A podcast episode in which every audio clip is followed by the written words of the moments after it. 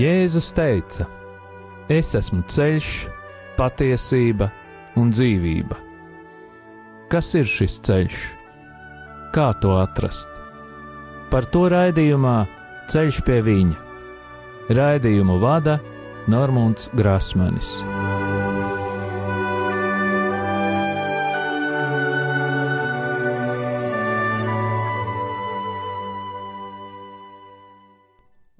Slavēts Jēzus Kristus. Atkal ir pirmdiena, un ēterā izskan ja, raidījums Ceļš pie viņa. Man ir prieks ar jums tikties, dārgie rādījumi, arī klausītāji. Aicinu jūs rakstīt īsiņas ar jautājumiem uz telefona numuru 266, 77, 272, vai arī uz raidījuma e-pasta adresi ceļš pie viņa at gmail.com. Pateicos par jūsu lūgšanām un aicinu jūs turpināt lūgties par mani un par manu ģimeni. Pagājušajā raidījumā runājām par jaunās atklāsmes kustībām. Nedaudz atgādināšu, ka tās bija saistītas ar privātām atklāsmēm, kuru iespējā tika radītas sektām līdzīgie garīgie veidojumi. Šodien mēs sāksim runāt par grupām, kuras kaut kādā mērā ir saistītas ar kristietību, vai vienā vārdā pseido-kristiešu grupas. Jau kopš kristietības pirmsākumiem baznīca pastāvīgi saskārās ar mēģinājumiem evaņģēlīju paplašināt, uzlabot vai pielikt pie tā kādu personisku izpratni. Arī mūsdienās pastāv tādas grupas, kuras ir novirzījušās no konfesiju apstiprinātās kristīgās izpratnes. Romas katoļu baznīca ar izpratni attiecās uz citādi domājošajiem, taču ir vērtības, kuras baznīca pašos pamatos nepieņem. Tajā pašā laikā neiestājoties pret personu un tās brīvību. Lai gan šo grupu filozofija var būt atšķirīga, visām šīm grupām ir kopīga iezīme. Glābšana vai pestīšana ir iespējama tikai tiem, kas ir iesaistījušies katrā no šīm dažādajām grupām. Gandrīz katrai no šīm grupām Bībele ir līdzvērtīga citiem šo grupu radītiem, it kā svētajiem rakstiem, kuri ir radušies personiskas atklāsmes rezultātā, un Bībele tiek papildināta vadoties no citiem atklāsmju avotiem.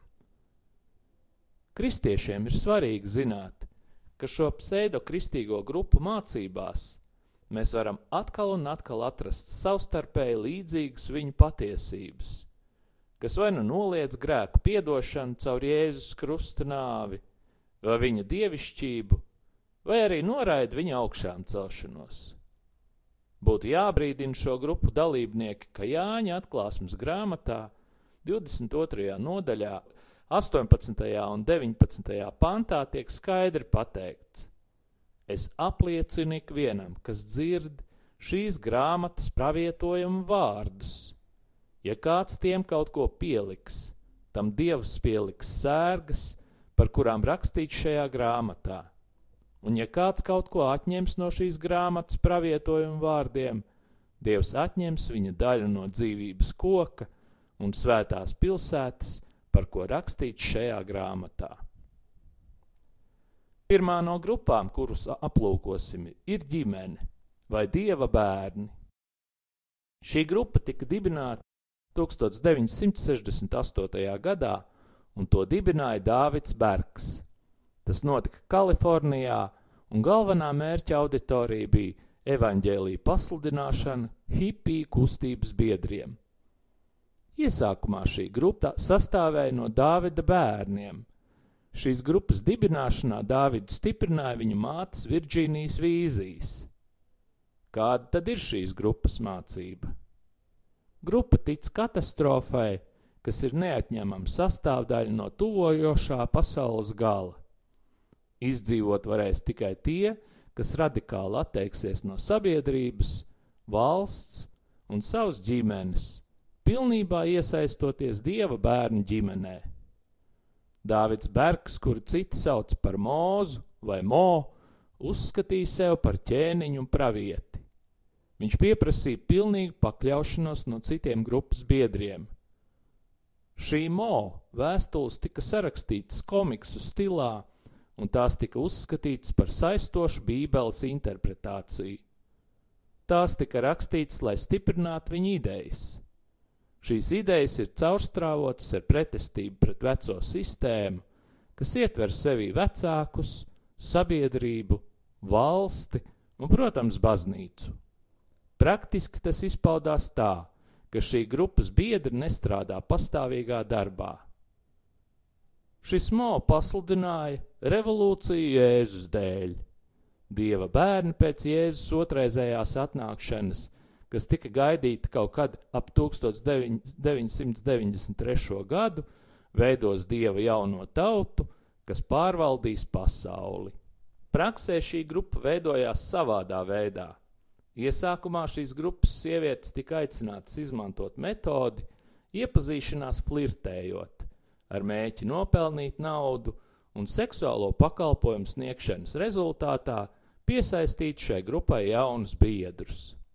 Pavisam drīz šo grupu sāk kritizēt par pārāk lielu seksuālo brīvību, tādēļ Dāvids Bergs izdeva pavēli aiziet pagrīdē un bēgt uz Indiju, Taizem vai Tibetu. Neraugoties uz to, sievietes joprojām tika mudinātas sevi reģistrēt kā prostitūtas, lai tādējādi varētu turpināt seksa misiju. Miesīgā mīlestība tika uzskatīta kā dieva mīlestības simbols. Izmantojot šo iepazīšanos, flirtējot metodi, jāizved dvēseles pie Jēzus un jālaiž pasaulē Jēzus bērni. Šajā grupā bija sastopams visa veida perversijas, ieskaitot bērnu seksu.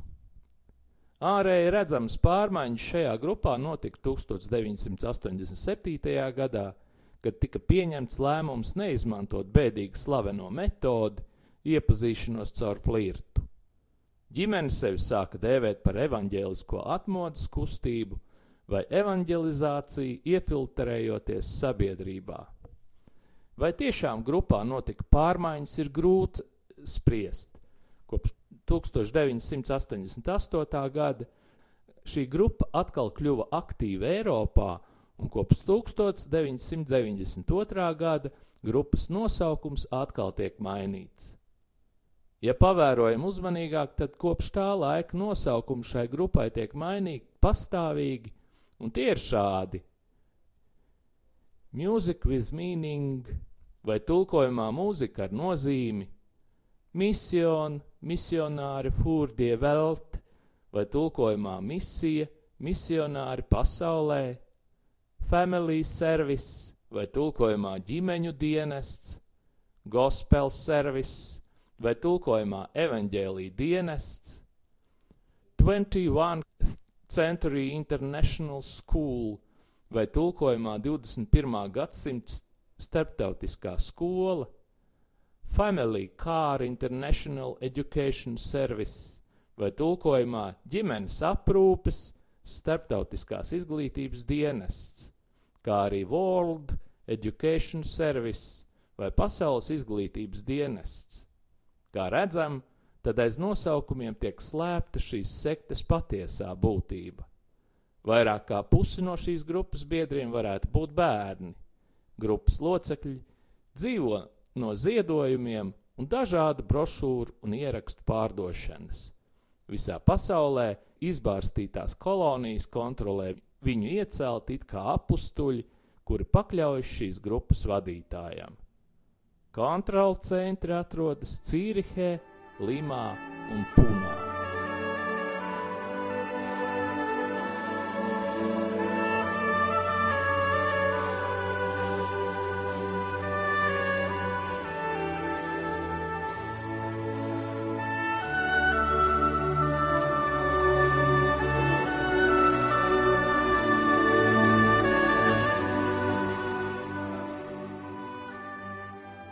Nākošā grupa, kuru mēs aplūkosim, ir Palmerijāniskā baznīca. Tā ir skaitliski maza sekte, kas ir atdalījusies no Romas katoļu baznīcas. Tās pastāvēšanas laiks ir aptuveni 30 gadi, Pusi no laika tā ir pazīstama ar nosaukumu El Palmer de Troja sekte. To ir veidojis agrākais grāmatvedis Spānis Klemens Domingues Gomes, kas dzimis 1946. gadā Seviļā. Privātās atklāsmēs viņam it kā tika parādīta viņa nākotne. 1976. gadā pēc autoavārijas Klemens kļuva akls. Gadu iepriekš viņš bija dibinājis svētās sejas karmelīta ordeni un pieņēma vārdu Fernando kā savu ordeņu vārdu. Spānijā šis ordenis ir pazīstams ar nosaukumu Svētās sejas reliģiskā kopiena. 1976. gadā Klementu un viņa draugu iesvētīja par priesteri toreizējais atstādinātais Hue, kas ir Vietnamas apgabalā arhibīskaps Piers Mārtins Ngodin Tuko, un drīz pēc tam tas pats arhibīskaps viņu iesvētīja par bīskapu. Kopš tā laika Domingas pats iesvētīja priesterus un bīskapus. Pamatojoties uz redzēto vīziju, kurā it kā Jēzus Kristus ar pavadoņiem, Svēto Pēteru un Pāvilu, pāvestu Pāvila sestā nāves dienā, iecēla Klementu Domingezu par viņa pēcteci. 1978. gada 6. augustā viņš ieceļ sev par vienīgo likumīgo pāvestu un sevi nosauc vārdā Gregors 17. Pēc viltus pāvesta pavēles 1978. gada 9. augustā Svētā Pētera apustuliskais krēsls tiek pārcelts uz El Palmer de Troja, kas ir ciems Spānijā, jo Gregors 17. nevēlējās atrasties nepareizi ticīgajā Romā. No šī mirkļa Palmeriānisks katoliskā baznīca sevi sāk uzskatīt par patieso Kristus baznīcu. Ielūkojoties dziļāk, Palmeriāņu baznīcas mācībā redzam, ka tā Mariju un Jāzepu uzskata par līdzdalībniekiem atpestīšanā. Viņi uzskata, ka pasaules gals būs Palmārā starp 1980. un 2115. gadu. Pēc Klimenta izteikumiem Romas katoļu baznīca kontrolē brīvmūrnieki un komunisti. Visi pāvesti pēc Pāvila sestā tiek uzskatīti par antikristiem un sātana pārstāvjiem uz zemes. Svētā Palmara ir pasludināta par jauno Jeruzalemi. Palmeriāniskās baznīcas mācība ir bagātināta ar daudzām dogmām, kuras ir izsludinājis viņa svētība pāvests Gregors 17 un kuras ir balstītas uz svētajiem rakstiem. Ir izveidoti 50 sakramenti, jeb enciklikas, kas ir publicētas kopā ar palmeriānisko ticības apliecinājumu. Nedaudz par palmeriāniskās baznīcas praksi. Patieso mises upuri svin īstie priesteri, kur pastāvīgi valkā savu priesteru tērpu pēc latīņu palmeriāņu rīta. Tiek sniegti patiesie sakramenti, un mācīt patiesā katoliskā mācība. Katru dienu lūdzas grēku nožēlas rožu kroni, jeb tēva pio no Pietreličinas rožu kroni. Šis rožu kronis sastāv no 50 tēvs mūsu, 50 esi sveicināta Marija, 50 gods lai ir tēvam, un 50 esi sveicināta Marija, šķīstā kalpone. Tomēr saskaņā ar dievišķajiem norādījumiem Tas tiek paplašināts. Katru dienu El Palmer de Troja ciematā notiek svinīga evaharistiskā procesija, lai gandarītu par neskaitāmajiem zaimošanas grēkiem, kas tiek izdarīti pret vissvētāko sakramentu, īpaši par komunijas došanu rokās un melnajām misēm. Klusā nedēļa tiek svinēta ar neredzētu krāšņumu, katru dienu dodoties krusta ceļā. Palmeriāniskajā baznīcā pastāv arī pāvesta Gregora 17. izveidotā svētā kardināla koledža. Tajā ir 81 loceklis, kur ieņems atkritušo Romas katoļu kardinālu vietas. Kādi tad ir palmeriāņu noteikumi? Nekad nepiedalīties jebkādās reliģiskās svinībās vai Romas katoļu baznīcas dievkalpojumos. Jānēsā mūsu mīļotās kundzes brūnais skapulārs, turklāt mazais jānēsā vienmēr un lielais jānēsā mīsas laikā, vai tad, kad liela grupa lūdzas kopā. Apģērbam jābūt neuzkrītošam, īpaši misas un lūkšanu laikā. Sievietēm jāvalkā galvas sega, svārkiem jāsniedzas pāri ceļiem, piedurknēm jābūt garām, obligātas ir zēķis, bet bikses aizliegtas. Jāievēro gavēnis un atturība. Palmerijāņi ir apustuļi, viņiem ir jāizmanto visi spēki, lai ar savu labo piemēru un vārdiem cilvēkus pasargātu no šausmīgajām briesmām, būt par Romas katoli, kā arī tos, kas nomaldījušies Romas katoļu baznīcā, vestu atpakaļ uz patieso palmeriānisko baznīcu. Palmerijāņi nepieļauj jauktas laulības, laulības ar Romas katoļu ir aizliegtas.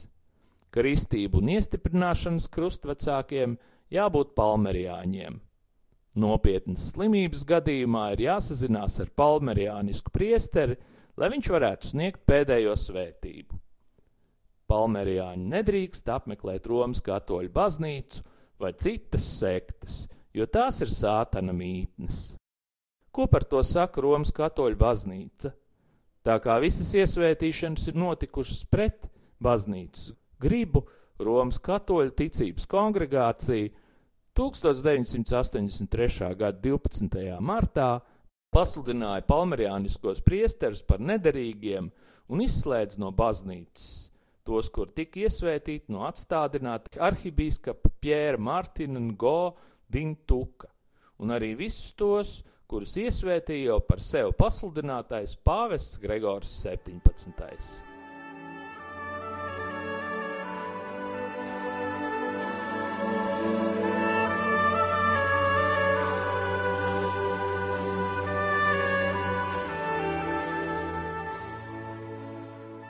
Šodien par maldu mācībām es vairs nerunāšu.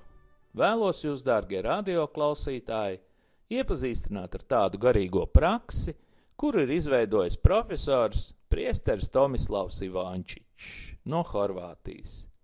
Jums zinām Latvijā Romas katoļu baznīcas apstiprināta kustība dzīvības traumas ir izdevusi vairākas grāmatas, kuras ir sarakstījis Tomislavs Ivančičs. Personīgi man – ļoti labi palīdz pārvarēt garīgas krīzes tāda metode kā garīgie medikamenti. Tomislavs Ivančičs runā par to, ka cilvēks sastāv no ķermeņa, psihes un garas sfēras. Ja cilvēks ir saslimis, tad ķermeņa jeb somatiskās slimības ārstē mediķi, bet psihiskās psihiatri, savukārt garīgās jeb pneumatiskās slimības ir garīdznieku jeb dvēseļu gan kompetencē. Cilvēka gara sfēra ir atvērta absolūtajai būtnei, kuru saucam par dievu, un cilvēks spēj komunicēt ar dievu. Ja spriežam filozofiski, tad garīgais atklājas transcendencē un refleksijā. Tas nozīmē, ka gars tiecas pār cilvēku robežām, pozicionējot viņu ārpus viņa paša, taču vienlaikus tas tiecas atpakaļ uz cilvēku, pēta viņa iekšienu un paliek pats sevī. Skatoties bibliski, gars ir tieši tas, kurš atsevišķu būtni dara par to, kas tā ir visvairāk. Gars ir tas, no kā attiecīgā būtne dzīvo, kas tajā strāvo pilnīgi brīvi, pašai būtnei neietekmējami. Gars ir tas neaptveramais, pār ko atsevišķa būtne nespēja valdīt un kas pārvalda un nosaka pašu būtni. Ebreju valodā garu sauc roh, kas nozīmē arī vēja dvēsma, dzīvības elpa, kas nāk no dieva. Par to mēs varam lasīt radīšanas grāmatā, otrās nodaļas septītajā pantā un sestās nodaļas trešajā pantā. Gars ir nemirstīgs, un cilvēka nāves brīdī tas atgriežas pie dieva. Tā mums vēsta Bībele, gan ieba grāmatas 34. nodaļas 14. pāntā, arī 31. psalma 6. pāntā. Jēdzienam gars ir radniecīgs jēdziens dvēsele. Dvēsele nevis dzīvo cilvēka miesā, bet gan to lieto, lai sevi izpaustu. Bibliski skaidrojot, miesa, dvēsele un gars ir viens veselums. Tāpēc dvēsele viena pati un neatkarīgi no miesas nevar pastāvēt. Šis uzskats ir pretējs spirituāliskajai izpratnē, kas raksturīgi daudziem filozofiskajiem strāvojumiem. Bībele vēst, ka dvēsele ir dzīvības princips, nevis tās pirmsākums. Bībeles teksta autori apgalvo, ka Dievs ir dzīvības pirmsākums. Ja mēs runājam par garu, tad cilvēka gara realitātei nav iespējams piekļūt tieši, bet tikai caur dvēseles vai ķermeņa realitāti. Tas nozīmē, ka gara slimības iespējams diagnosticēt vienīgi pēc simptomiem, kurus konkrētajā brīdī parāda cilvēka psihe vai ķermenis. Tā tad ir gan miesas, gan psihiskas slimības, kuru pirmcēlonis ir meklējams gara sfērā. Šajos gadījumos psihiatrija un somātiskā medicīna var ārstēt tikai simptomus, bet nekad nesasniegs slimības sakni. Tikai garīga darbība ļaus nonākt līdz saknei, un tas ir vēl viens apstiprinājums faktam, ka laba sadarbība ārstu, psihiatru un priesteru starpā ir ārkārtīgi svarīga.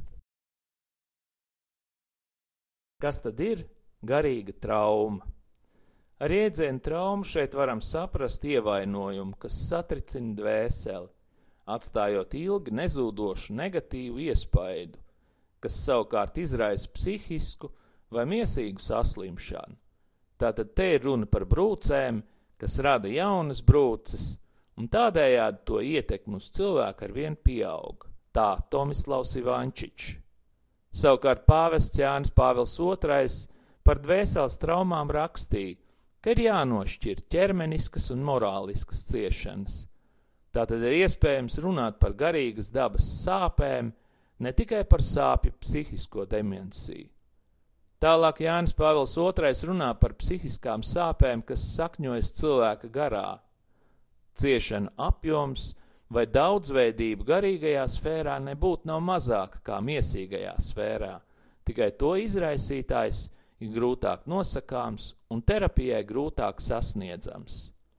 Ņemot vērā, ka morālisks, tātad garīgas dabas ciešanas ir ļoti grūti atšķirt no tādām ciešanām, kur pirmcēlonis meklējams pašā psihē, un tāpēc šādas ciešanas nereti ir arī grūtāk dziedināmas.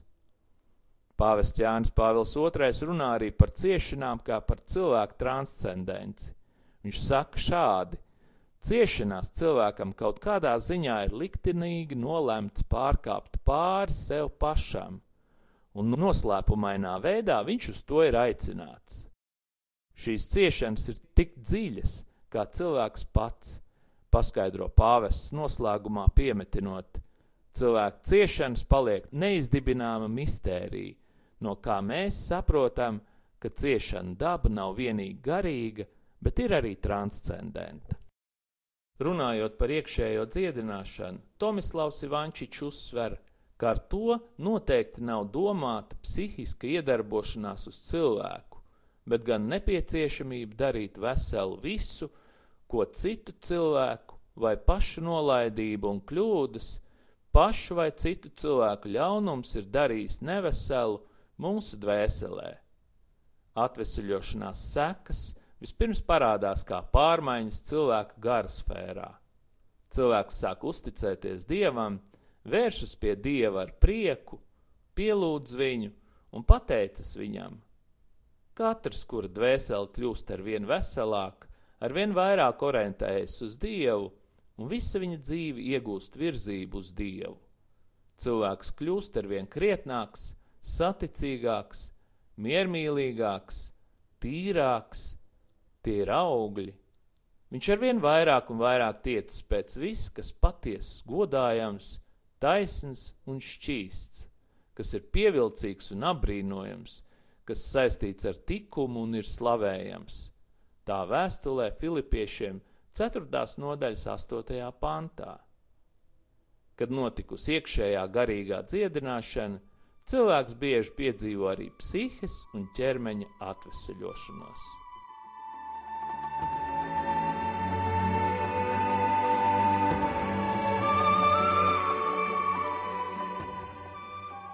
Un tagad iesim lūkšanā, un šoreiz tā būs nedaudz atšķirīga. Galvenā lūkšana, pati svarīgākā lūkšana, ir uzlūkot Dievu. Dievs Tēvs, sargājot stāv aiz tevis. Jēzus stāv tavā priekšā, tavu durvju priekšā un gaida uz tevi.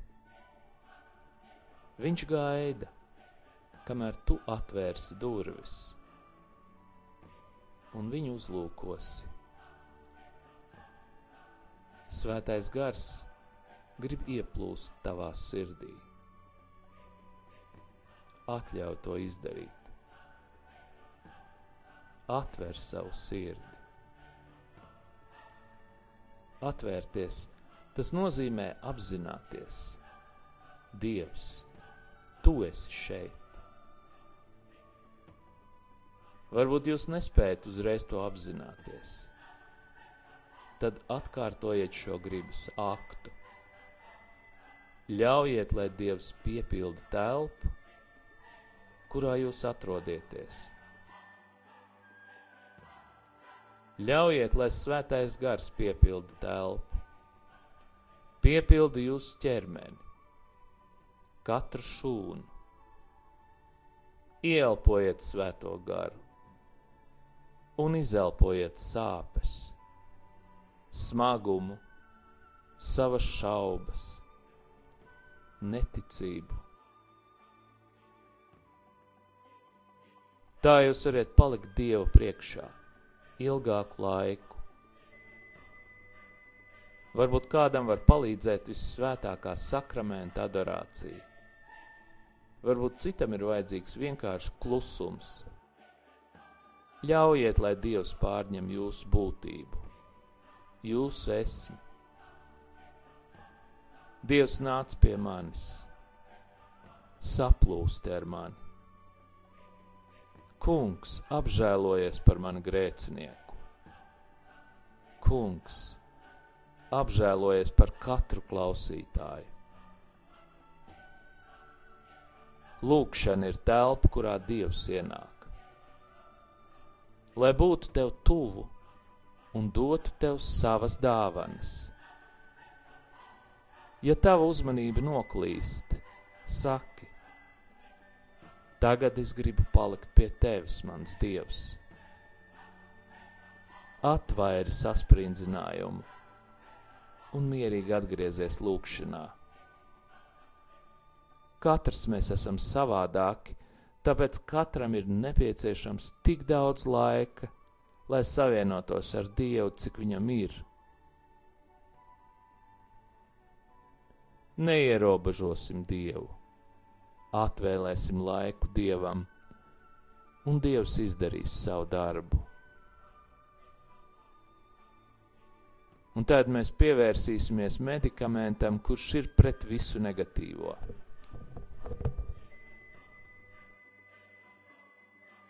tici, ka Dievs ir visspēcīgs.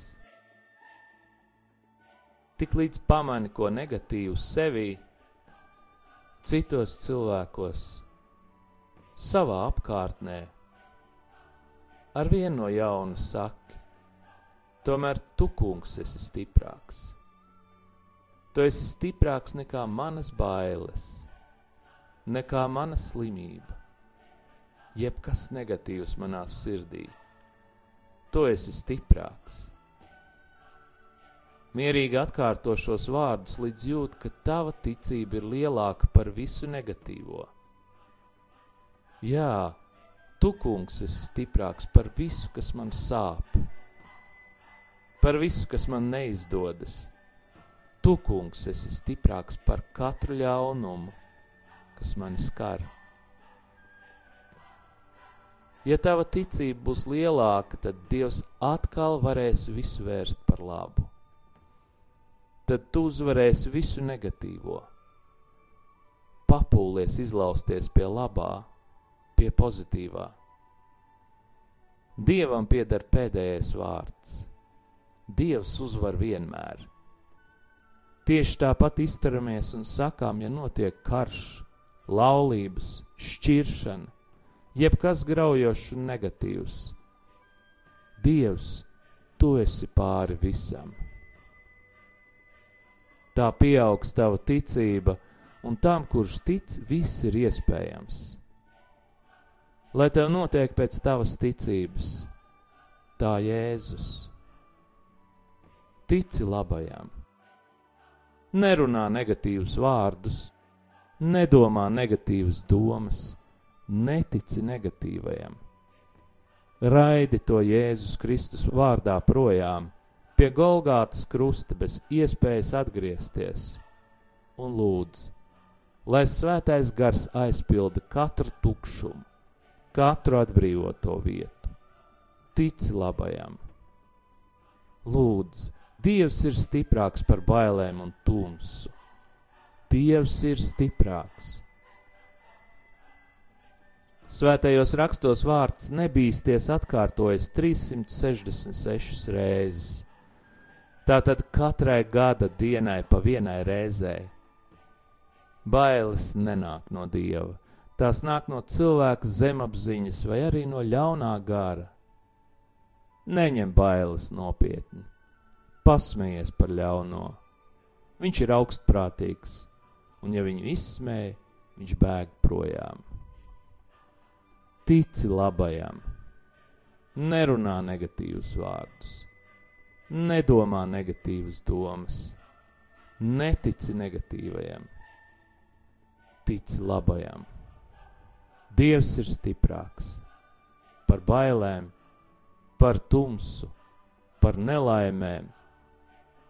Dievs ir stiprāks. Un tagad saņemiet pāvesta Franciska svētību. Kungs Jēzus Kristus, lai ir pār mums, lai mūs svētītu, lai ir pie mums, lai mūs pavadītu, lai ir ar jums un mums, lai mūs aizsargātu. Lai mūs svētī Dievs Tēvs un Dēls un Svētais Gars, lai asins un ūdens, kas izplūd no Jēzus Kristus sirds, izplūst pār mums un lai šķīstī, atbrīvo un dziedina. Saņemiet svēto garu, Dieva tēva un dēla un svētā gara vārdā. Āmen!